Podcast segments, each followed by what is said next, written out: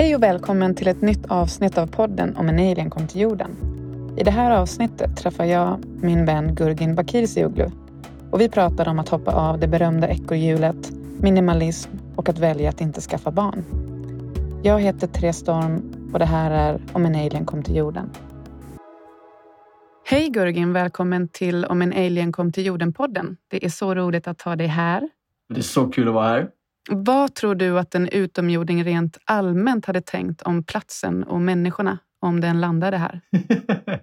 alltså, jag vet inte vad de hade sagt 2019, 2018, 2017.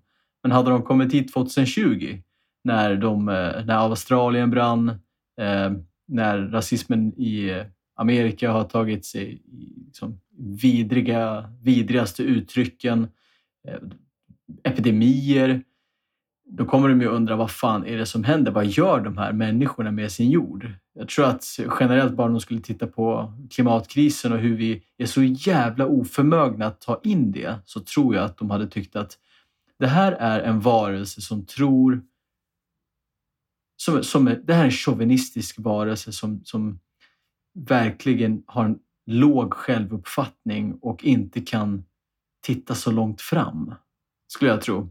Vad tror du de hade tänkt om själva platsen som sådan? Jag tror väl att eh, om man tittar på alla andra arter som har eh, levt och sen eh, försvunnit, eh, alltså evolutionen har ingen moral, så skulle vi väl vara exceptionellt dumma i huvudet. Vi, vi är ju, när jag säger dumma i huvudet så menar jag att vi är så pass smarta att vi, att vi är dumma i huvudet. Vi, vi vet inte vårt egna bästa, vi, vi kan inte tänka biocentriskt.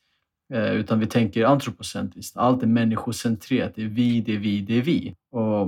Jag måste stoppa det där Gurgen. Kan inte du förklara de här två orden ifall det är någon som lyssnar som inte alls är inlästa på det? Nej, men eh, biocentriskt är ju när man tänker mer eh, hela kretsloppet, hela den biologiska mångfalden, alla arters överlevnad, klimatet och man tar in naturen i den här aspekten också. Man kan till och med titta och se hur jämföra hur en sjö mår jämfört med en människa mår. Om sjön mår dåligt eh, så kommer människan eh, till slut också må dåligt.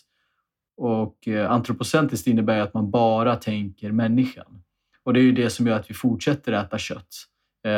massproducerat i vidriga förhållanden. Att vi fortsätter köpa såna här övervärderade betongettor och har frigjort oss från naturen. Och att vi, vi är så frikopplade från allt. Vi är inte en del av systemet. Vi kostar ingenting på den här jorden. Vi ska ta så mycket som möjligt. Liksom. Alla de här abrahamitiska religionerna bygger på samma sak. Människan är fantastisk. Gör vad ni vill med den här jorden.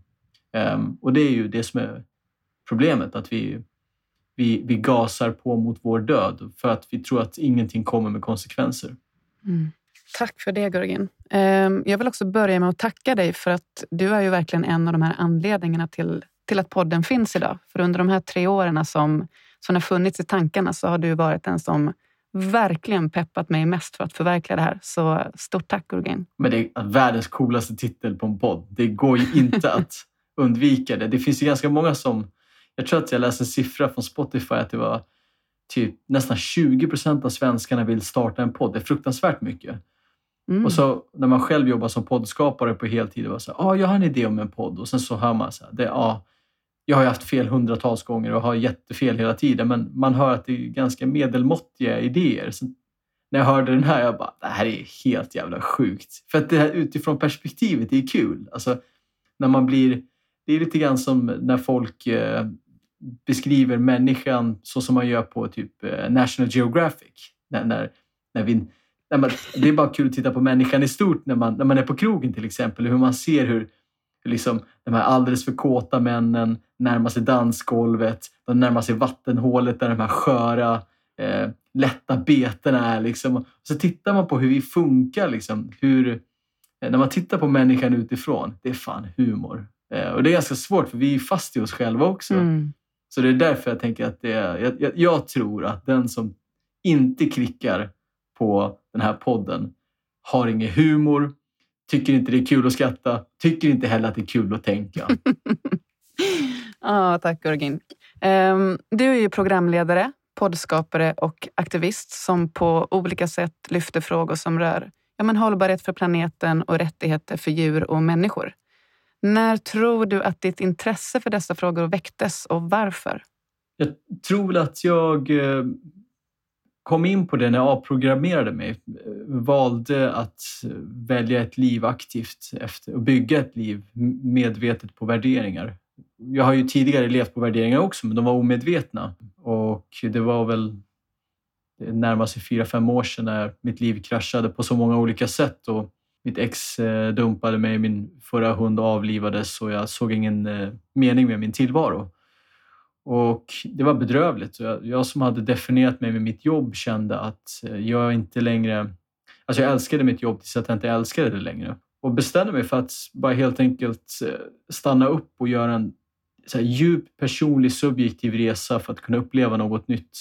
Och faktiskt det som jag tror att många också vill göra, sig, kunna leva på djupet. Alltså vad fan är jag för jävla arbetsslav som sitter i chefens knä och följer liksom hon, han, hens drömmar. Varför ska jag göra det hela mitt liv? Liksom? Men också att jag tror att jag hade uppnått alla de här drömmarna inom karriärslivet som jag, eh, som jag hade strävat efter. Så jag hade ju en fast anställning på Sveriges Radio i åtta år, pratade i förortskanalen Metropol 93,8 programledde eh, det som heter Morgonstudion i SVT. Eh, det hette Godmorgon Sverige då. Det fanns aldrig tid för reflektion utan Svälj skiten som kommer i tablåbelagd media. Säg det här modeordet, köp den här barnvagnen, drick den här drycken, uppdatera din telefon hela tiden. Och jag kände att det här ledde väl in till just tanken om att jag ville skala av för att kunna hitta någonting annat. Och då kopplade jag väldigt mycket det där till just eh, liksom materialismen och förstod att här, minimalism har ju...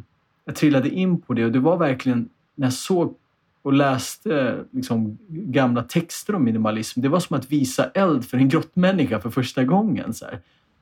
Och efter att ha läst Sveriges historia så fattar jag också att det är ju... Alltså, den svenska nationalsporten har en gång i tiden varit låga omkostnader. Så vad är det som händer? Eh, varför har vi inte varför, varför har vi kommit ifrån det här så mycket för? Hur, hur har vi kommit in i det här tillväxtkramandet? Hur, varför fattar vi inte naturens gränser?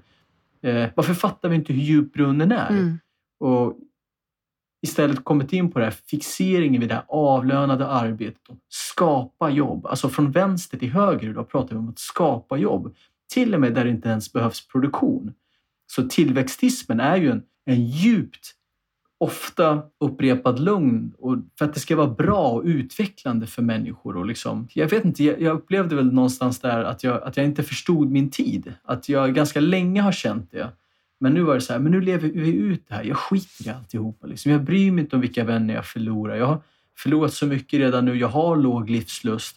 Ehm, jag, jag var sjukskriven, jag gick, till, eh, gick i samtal och, och jag tror att efter andra samtalet så sa jag sa hon på den bredaste finlandssvenskan du kan tänka dig att eh, eh du är deprimerad eh, och eh, det här är mediciner till dig. Så stoppade jag i mig Atarax och det gjorde att jag sov i två dygn nästan varje gång jag käkade. Tills att jag kom fram till att det här är ju, eh, jag är ju läkemedelsindustrins våta dröm att jag är en kugge i hjulet som imorgon ska vakna upp eh, någorlunda, inte frisk, mindre värre. Mm. För att man ska komma tillbaks till industrin också. Och jag ska vara tillräckligt bedrövlig för att orka med vardagen. Och inte ifrågasätta liksom. Jag vet inte, alltså, jag har precis kollat klart på Bojack Horseman. Jag tyckte Cuddly Whiskers sa det så jävla bra när han sa att det tar tid att inse hur olycklig man är, men ännu längre att inse att det inte behöver vara så. Ja. Och jag fattade verkligen att så här, jag har fått så många förväntningar överfört på mig om hur jag ska plugga, hur jag ska leva, hur jag ska umgås. Vad man gör när man umgås, att man ska äta ute och så här. Och det var ju meningen med livet, att man, att man ska jobba, bli något och i slutet av livet ska man helt enkelt ha en, ha en trädgård. Eh, och... Men tänker du, jag måste bara fråga mm. Eh, innan vi fortsätter. Det känns ju som att du, det du beskriver är att du har liksom sett igenom den här illusionen. Tror du att du hade gjort det ifall du liksom inte hade fått smakat på det som var din dröm. För på något sätt så fick du ju ditt drömjobb och ditt drömliv. Men du var ändå inte lycklig. Om du inte hade nått dit utan fortfarande hade liksom några steg kvar, tror du fortfarande att du hade haft den här, fått den här insikten lika djup? Oh, Gud vad svårt att svara på det. Men det, jag, jag, vet inte. Det är väl det mest smarta svaret jag skulle kunna säga. Men jag, jag, jag tror att um, jag beundrar verkligen, jag har ju downsizat. Jag, jag beundrar folk som, som aldrig har upsizat. Jag förstod inte att det var ett ord. Det var en uh, tjej i 20-årsåldern som skrev till mig och sa så här, vad intressant, man gästar massa så här poddar och sitter och pratar skit som jag gör. Så var så här, hon bara, intressant ord med det här med downsiza. Jag har aldrig tänkt på att jag medvetet aldrig har velat upsiza. Jag vill inte jobba så mycket. Eh, jag vill kunna läsa och alltihopa. Och så här. Hade inte de här 90-talist generation Z-ambitionerna om att bli eh, DJ-influencer på Södermalm. Eh, eller typ att tjäna mycket pengar och köpa bostadsrätt. Och jag bara, fan alltså, jag, jag tänker på, det, det, finns ju, Sisyfos-arbete är ju ett jävligt bra uttryck för meningslöst arbete. Eh, alltså myten om Sisyfos som på grund av sin hybris dömdes av Zeus att rulla en tung sten uppför ett berg varje dag för att sedan rulla ner det på andra sidan. Och jag liksom följer för det där. Ehm, att du ska ha något, men man ska ju ha ett jobb. Och då insåg jag så här, shit den här bruden är så jävla woke alltså. Hon, hon fattar att det är, alltså jag vet, eh, ska man inte säga att ett DM har förändrat mitt liv på det sättet, men jag, jag tänker att när, när någon kan se igenom när någon kan se i så låg ålder så insiktsfullt att kejsaren är fan naken. Alltså, han är så jävla naken. Eh, och inte hunnit bli blind av otröstlig konsumtion. Att, liksom, vad ska man säga? Hon, hon har, hon har de, dechiffrerat och överträffat våra biokemiska algoritmer som bygger på att så här, alla andra gör det, så då borde jag också göra det för det, är socialt invant. Hon har fattat att jakten på ett lättare liv genom, att jobba hårdare, det är en fälla. Eh, så eh, om jag får jämföra mig med henne, alltså vi är ju många som efter att vi har nyutexaminerats från akademin, vi har tagit krävande anställningar med målet att vi ska vara ekonomiskt oberoende innan man typ fyller 40. Och man fördubblar ansträngningarna. Det kommer att bli lugnare, tänker man. Men utgifterna tittar man på dem, man bara fan, de blir bara fler och fler. Så ökar man sin standard, man omger sig med så här medelklasslyx och de vanorna. Och hela den här spända och stressiga livsstilen, det, det blir något eftersträvansvärt. Det blir den moderna människans väg mot ett lugnare liv. Och det är en jävla felkalkyl. Den har blivit normaliserad genom flera generationer. Alltså vi är offer för den här normaliseringen. Offer för den här felkalkylen där vi liksom, vi ska söka intellektuell trygghet genom att göra det där. Eh, men vad ska du göra när du blir äldre? Du måste ju ha ett jobb. Du måste ju ha alla de här pengarna som, som nästa generation ska ärva. Och den generationen som du föder, det är också meningen med livet, eller hur? Barn är meningen med livet. Så bara trycker ner lugner i varandras halsar hela tiden och det blir så när man stannar upp och, och, och, börja ringa in alla de här grejerna man har lärt sig. Allt ifrån dagisfröken Yvonne till mamma, till kapten Hansson i lumpen. Liksom. bara tittade på allt det där. Så här, Fy fan vad det här är skitsnack. Det är så jävla mycket skitsnack. Jag har blivit offer för lång exponering av andras val. Men också så här, ord. Jag har utsatts så mycket av deras ord och deras mänskliga konventioner om vad som är rätt och vad som är fel. Vad man gör och vad man mm. inte gör. Vad var det som gjorde att du började hitta din röst och dina tankar kring det här? Behövde du må dåligt för att hamna där, tror du? Ja, fy fan. det, jag kan ju, det hade ju inte fyllt något syfte annars. Um, och jag, jag, tror att uh, det var enklare att titta på mig själv som makro än mikro. Alltså jag och mina känslor. Varför blev jag lämnad? för Varför är jag värdelös? för Det här som många kan gå runt och nöta. Att gå ifrån det där lilla till så här, men jag måste tänka större. Alltså, vad sysslar människor med? Um, vi sysslar med sociala konstruktioner, vi sysslar med länder, religioner, pengar, kulturer och, och många fler så här föreställda gemenskaper. Och liksom, jag ska sätta mig och reflektera kring det. Och jobbar man på Sveriges Radio så förstår man att det är en innegrej att folk åker till Indien för att finna sig själv och uppleva något heligt. Um, det är en grej. Men jag bara, fan så många kollegor som har varit i Indien. Liksom. Men vad, vad är det där heliga som de letar efter? Så bara, kom ihåg att jag skrev en anteckning någonstans att eh, det heliga finns inte i Indien, det heliga finns överallt. Alltså det finns ju i det här samtalet, det finns ju efter att vi har slutat prata. Det finns ju även när, om tio år, liksom. Eh, det finns om 15 mm. år. Det finns i det finns i Värnamo liksom. Och börja titta istället på vad jag skulle behöva istället för andras tankar. Ehm, jag kom fram till att jag behövde, jag behövde vara öppen för att lämna alltihopa. Alltså skriva över alla inprogrammeringar, rycka pluggen. Alltså, ehm, jag hittade ett amerikanskt uttryck för det och det kallas radical unplugging. Ehm, och för det krävdes det att så här, sluta tänka på gamla sätt. Lämna alltihopa. Allt du har lärt dig är fel. Du måste vara öppen, du måste vara estetisk, du måste vara filosofisk, du måste odla ditt intellekt på nytt. Och du måste stoppa i dig ny mat. Du kan inte, och då kommer jag in i veganism också. Att så här, det vi, det vi för jag frågade vad liv är. Alltså, vad är liv? Vad är mitt liv? Vad är, alla, vad är det här för någonting? Och sen förstod jag att liv fysiskt är ju vad vi stoppar i oss. Och om jag vill bygga mitt liv, alltså jag kan, min kropp är ju byggd nu de senaste tre åren på, på, på bönor, på sallad, på grönt. Det känner att det finns något, andlig, eh, något andligt i det, att inte stoppa i sig någonting som har haft en mamma eller två ögon eller en mun.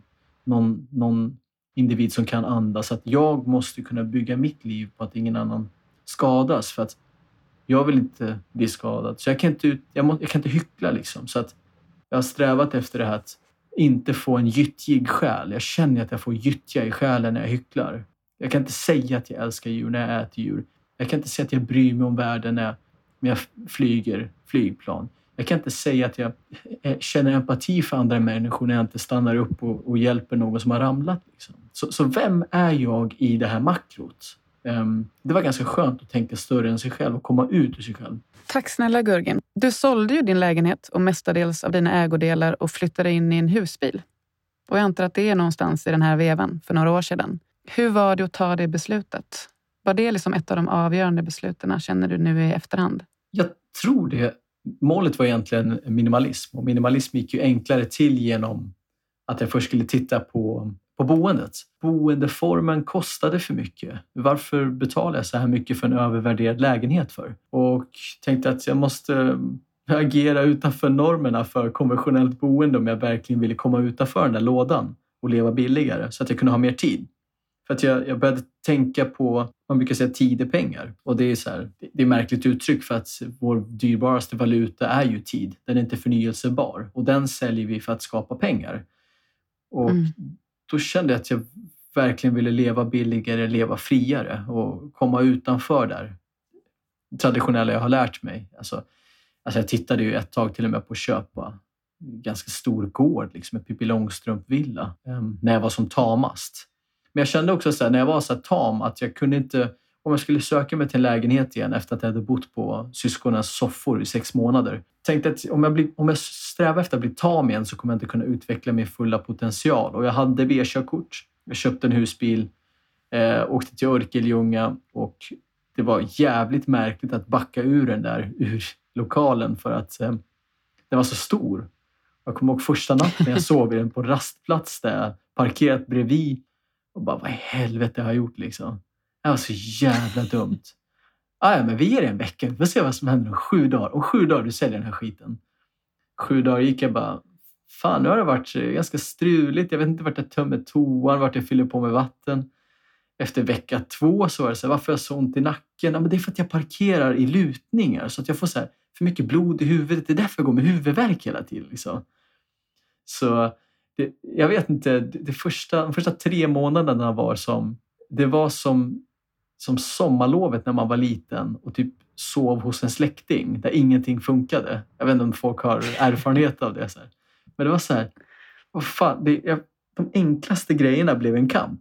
Och nu fyra år senare så eh, ångrar jag absolut ingenting. Det har varit de absolut bästa minnena i mitt liv. Jag har sett människor och sett platser jag aldrig kunnat uppleva förut. Eh, stjärnhimmel som tak, solnedgångar. Jag kan inte ens räkna hur många hundratals som jag bara suttit och tittat på. Liksom. Kom in i meditation och tränade mer och kunde liksom läsa mer. och så här. Tills att nu för tre dagar sedan, nu åkte hem från Portugal och den bröt ihop på autobahn. Och ja, den, rest in peace Husis. Rest in pieces husbil.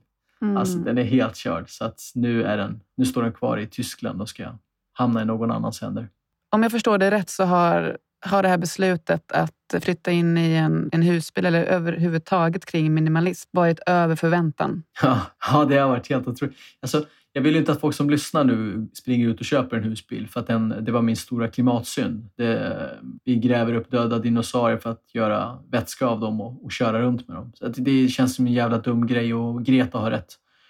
Um, men nu så känner jag att jag, vi tittar på så hur man kan bo mer eko men också resande. Så det är ju ganska många aspekter att ta in. Det finns ju jättemånga som, som lever som typ mig fast de skiter i klimatet. Då är det jättelätt för att idag så flyger vi till Pakistan och vi är digitala nomader där och imorgon så kan vi vara i San Francisco på konferenser och sen är vi i Polen och sen, ja men du vet. Och då känns det som att så här, jättekul för dig eh, och trevligt liv, men bara för dig själv. Liksom. Det, jag tycker att alltså, vi, är ju som, vi lever på lånad tid. Vi har, det är inte populärt att individualisera klimatkris eller många fler problem, men jag, jag tycker att vi har ett ansvar. Eh, och vi kan inte plöja på. Liksom. Vi kommer med en prislapp. Vi måste tänka på den här prislappen. Jag tror att när vi börjar fundera på den, då kommer vi in på minimalism och veganism som båda handlar om att komma med så låg prislapp som möjligt. Känna empati för folk på riktigt. Se saker ut, utöver eh, tillväxten. Så, så här. Vad är gott för samhället? Vad är gott för andra? Liksom. Men om det är någon som lyssnar eh, på det här som själva känner att de längtar efter en livsstil med mindre saker och mer tid men liksom inte riktigt vet var de ska börja någonstans. Vad har du för tips till dem då? Alltså jag, jag tror att det är så många som gör, gör, det redan nu. Det är, inte... det är klart att det är, men det kan fortfarande vara någon som, som inte riktigt känner sig bekväm och känner bara shit, var ska jag börja någonstans? Vad har du för tips då? Mm. Alltså jag tror att utifrån sin kontext kan man titta på vad man själv skulle vilja ha. Men jag tror att så här, nå, någonting som är väldigt viktigt, väldigt viktigt är, alltså förutom att ta med hållbarhetsaspekterna, det är att, alltså att inte sträva efter att verka normal. Det funkar inte. Det är en dum grej och det är en antifrihetsideologi. För då kommer man ganska snabbt in på just vad som behövs i, i ett normalt liv. Och då kommer man in på just, eh, ska man säga, nödvändighetens rikes standard där vi ska ha en TV, vi ska ha Dolby surround, vi ska ha en eh, köksmixer, vi ska ha mikrovågsugn och vi ska, ha, vi ska bo alldeles för stort och så sådär. Um, jag tror att eh, många, oj, det är så kul. Eh, många tänker ju individualistiskt där och andra tänker kollektivistiskt. Eh, det finns ju folk som vill till exempel bo i, som vill ändra sin eh, livssituation men också ha en social gemenskap. Den är ganska svår om man har husbil för att man utsätts för nya människor hela tiden. Um, är man bofast så är det däremot, så det är det jag pratat om mest, typ ett tiny house um, ekoboende, att du har en liten by där man kan odla, kan leva i gemenskap. Och någon kan ta hand om den andras djur och om, om den andra snickrar ett staket och så. så alltså, folk tror ju att jag promotar att man ska vara lat. Eh, när jag säger att man ska här, typ gå ner i tid eller säga upp sig om man kan och, och hitta andra sätt att eh, göra någonting stort av sitt liv. Men jag tror att alltså, arbete är en form av mänsklig gemenskap och att dela meningsfullt arbete mm. med andra, det är givande. Och utan meningsfulla sysslor i våra liv tror jag att vi är halva människor. Och nu, det, det första folk hör är ju direkt karriärism och det är inte det jag pratar om. Utan eh, ett meningsfullt arbete kan vara att leva och arbeta i grupp. Att, eh, att odla, eh, att skörda tillsammans. Ja, men du vet, att man bara... Jag tycker att man ska vara väldigt driven men inte vara fastkedjad vid några moment och inte slava åtta timmar om dygnet för att kunna köpa sig resten av det. Men vara driven men göra det för det som man själv längtar efter, inte vad någon annan har sagt att man borde längta efter. Absolut, det är precis det det handlar om. För att nu så, vi har ju något driv i oss som, som art. Um, men varför ska det vara så kopplat till lönearbetet? Det, det, alltså den gemenskap och sammanhållning som skapades i, i det gamla bondesamhället, om man tittar på svensk historia, det hade ju massa problem det också, men det fanns ju, alltså vi kan göra en greatest mm. hits av svensk historia. Alltså om man skulle ta den gemenskapen och sammanhållningen som krossades när byar, eh, de upplöstes, de mindre städer de avfolkades samtidigt som vi bara bestämde oss för att översvämma storstäder. Så tror jag att vi skulle kunna ta vara på varandra som människor. Se varandras relationer mm. som, som, som någonting djupare än bara en arbetskollega. Men, men vad tror du att en alien hade sagt om det här konsumtionssamhället som vi lever i? ja, alltså, jag tror att om de kom med sin farkost tillräckligt lågt och också kunde vara osynliga för den delen och se vad vi sysslade och pysslade med. Eh, så hade de ju frågat sig själv varför, de hade nog frågat varför den här arten tävlar om jobb där man stoppar pengar i andras fickor i slutet av dagen. Eh, jobb där man också producerar onyttigheter som ingen egentligen behöver. Alltså, resurser förslösas och det produceras för produktionens skull. Det tror jag att de hade frågat sig själva varför. För att det är det vi gör och inte för att tillfredsställa djur, natur eller människa.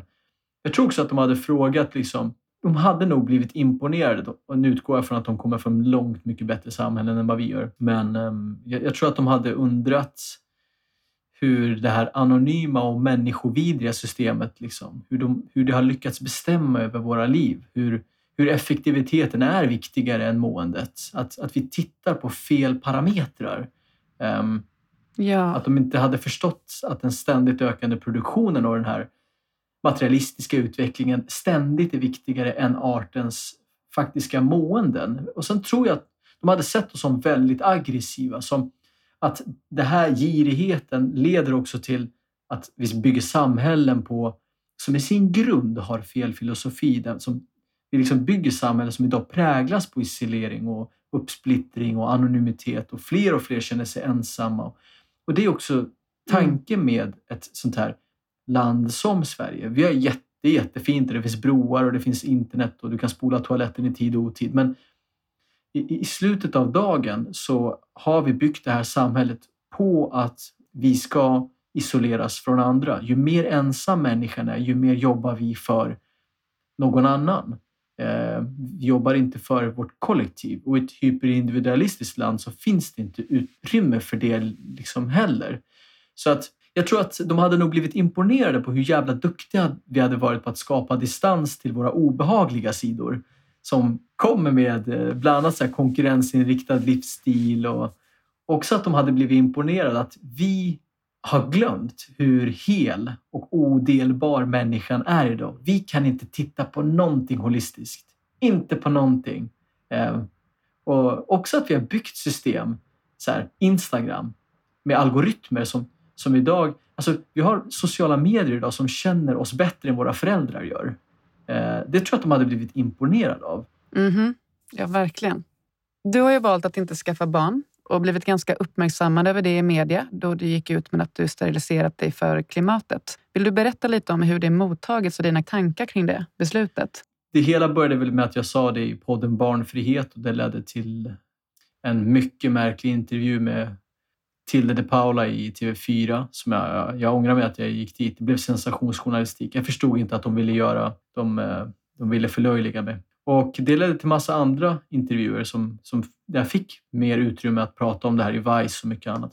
Ehm, om just problemet och det, det är överbefolkning. Eller jag ska sluta säga det ordet kanske, men befolkningstillväxten, det, det är ett problem. Det finns ju många som tycker att ju fler människor på jorden, desto fler hjärnor som kan lösa resursproblemet. Och jag tänker ju mer att varje människa kommer med en prislapp. Man behöver inte förkasta eller förminska andras livsstilar för att känna sig bättre än andra, men när det kommer till just barnafödandet så är det så mycket biologism och så mycket moralism så att det är nästan frikyrkligt, även i sekulära länder som, som eh, Sverige. Och eh, jag tror att det finns en, en, en, det här är nog en vattendelare inom mänskligheten som handlar om förmåga att skilja på redan födda och ännu ofödda barn. Alltså ofödda barn lider inte om vi väljer bort dem. Eh, de födda barnen lider om vi väljer bort dem. Så hur kan vi ha en värld där vi tar hand om barn, där vi tar, vårdar liv som, som redan finns? Och i samtalet om att leva miljövänligt så, så nämns ju nästan alltid, eh, alltså de som är mest eh, förbannade på mig, förutom Sverigedemokrater, det är faktiskt miljörörelsen. Ehm, för i samtalet om just det här miljövänliga livet, där vi pratar om resande, kost, livsstil, konsumtion och matvanor och sådär, som har med oss att göra, så glömmer vi den avgörande faktorn att det är människan i dess antal. Vi pratar hela tiden om våra vanor, aldrig om vårt antal. Och det här är liksom det här är en sån här orsak, den har ännu inte adresserats eh, Eller den gör det, men man avfärdar som dum i huvudet. För att ofta så förväxlar folk frivillig barnfrihet, det är det det handlar om. Att frivilligt på individen välja bort med folkmord, tvångssterilisering, diktatur och också det som är det absolut vanligaste. Det har precis slutat komma in nu. Så här, folk som skickar familjefoton på sig själva och frågar varför jag hatar deras barn. Men det vanligaste är, varför tar du inte livet av dig? Och det är allt ifrån nationalsocialister till vänster. Eh, alltså, och det man vill säga är att, men vad är ditt liv värt om inte du ska skapa ett liv? Och jag tror att folk egentligen förstår problemet med befolkningstillväxt och eh, befolkningstillväxtens konsekvenser. Men det, det, är så jävla jobbigt att ta sig till allt det här. Jag kommer tillbaka till, till, till det här hela tiden, att vi pratar om våra vanor, aldrig om vårt antal. Alltså, att skapa ett människa, det, det, är inte ett syfte. Det är något liv gör för att kunna existera. Och varje person, alltså du och jag, eh, och jag dömer inte dig för du har barn och de är hur sköna som helst. Jag tycker om barn, jag älskar ju barn, jag vill bara själv inte ha dem. Men varje människa, du och jag och även din generation som du har skapat, alltså, jobbar på axlarna av, av resten av mänskligheten. Vi har 10 000 generationer bakom oss. Jag, jag tror att är det, är det något som... Alltså i det här, ingenstans i det politiska samtalet om fattigdom och klimatförändringar, sociala orättvisor, hållbarhet och alla de här problemen så, så, som vi står inför så snackar vi aldrig om att vi har blivit för många. Vi har blivit så många att vi, vi själv inte vågar titta på det. Men vad är det som du tror gör att det här väcker så starka känslor? Vad får en person att skicka en bild på sina barn och fråga dig ifall du önskar livet av dem? Vad, vad, liksom, vad är mekanismerna bakom det? Varför väcker det så starka känslor? Jag tror inte att de är arga på mig. Eh, jag tror att de är arga på sig själva för att det är någonting väldigt skrämmande. Ehm, de har inte utforskat det här. Och vi måste verkligen titta på liksom, vilka vi är som människor. Vi har utrotat 60 procent av planetens vilda djur sedan 70-talet. Alltså habitatsförstöring, jordbruksindustrier. Liksom. Och jorden är åt helvete, inte för att ekorrarna köpte tv-apparater, eh, inte för att grisarna flög till New York på weekend och för att kossornas fabriker stod och bolmade. Eh, det är vårt fel. Eh, så att, jag menar, innan våra barn har fyllt 30 så kommer de att få uppleva alla de här väderkatastroferna, havsnivåhöjningarna, förändrat växt och djurliv och klimatflyktingströmmar. Så jag tycker inte att man ska shamea föräldrar, men istället för att skapa nya människor så borde vi värna om de som redan finns. Alltså, en, en skap människas liv är mer värt än en oskap människas liv. Vad tror du är den vanligaste fördomen mot dig själv? det är så bra. Gud. Men den här frågan har du hittat på alltså? ja. ja. Den är så jävla bra. Um, jag tror... Åh oh, gud, det här är fan den bästa frågan jag fått någonsin. Det är eh, Gud vad han är vilsen. Killen har trillat ner i ett rabbit hole. Eh, när är det dags att bli normal? Eh, så där kan man inte hålla på för alltid. Det är inte hållbart. Eh, han, han, är jävligt förvirrad, men han är också trevlig tror jag folk säger. Han är jävligt förvirrad. en förvirrad, trevlig kille? Jag tror det. Jag, jag tror att det är... det är så jävla bra. Det är en så fantastisk fråga. Jag tror just den här grejen om att eh, när är den här killens projekt över? När är den här fasen över? Och jag, jag, brukar hålla med dem och säga att det vet jag inte. Det är lika mycket som jag vet när den här fasen är över. Vet du kanske, är du i en fas? Liksom? Mm. Eh, hur, hur vet du att du inte är i en fas? Eller är du... Alltså... Livet är väl bara en följd av faser, tänker jag. Absolut. Så jag tror att jag uppfattas som en extrem och en förvirrad person. Och hur känner du dig, Jörgen? jag känner mig ganska klarsynt. Jag vågar, jag söker ingen trygghet. Och, Utanför dig själv menar du? Ja. Det är okej okay att vara, sitta i ett rum, alltså mina vänner, vi är ett gäng på typ 20 kurder. Eh, ingen håller med mig. Och det har varit bitvis känslomässigt jobbigt. I familjen också väldigt jobbigt. Speciellt barnfriheten har varit skitjobbig där. Eh, de vill ha barn, barn och så. Och det här är, det här är förvirrat. Liksom. Um, vi är sociala varelser. Jag kan inte säga mer än så. Och när man sitter i en grupp och jag vet att så här, men jag, jag tycker fortfarande så här. Men det känns jättejobbigt att tycka så. Mm. Då är det inte åsikten det är fel på. Och om jag, jag vill inte vara en feg skit. Jag byter gärna åsikter här och nu idag. Om det är någon som kan bevisa för mig att det finns ett djurvänligare sätt att äta på en veganism. Jag, jag, jag avsäger mig från veganism i den här sekunden. Finns det ett mer ekovänligt sätt att leva på än det jag gör idag? Då ändrar jag det. Jag ändrar min åsikt här och nu. Jag vill inte söka mig till gemenskaper där alla ska tycka likadant. Om det är någonting, om jag uppfattas som fanatiskt, om det är någonting som är fanatiskt så är det det. Att oh, men gud, herregud vad många som ger upp sina liv och alltså, så många som kanske inte som gömmer sig i garderoben ett helt liv för att de tänker hur ska andra uppfatta det här? Mm. Men då tycker jag att då har man hamnat i fel, eh, i fel gäng. Då är inte de värda att ha i ens liv. Och det värsta man kan säga, det är fan helt förödande, det är att säga att blod är tjockare än vatten.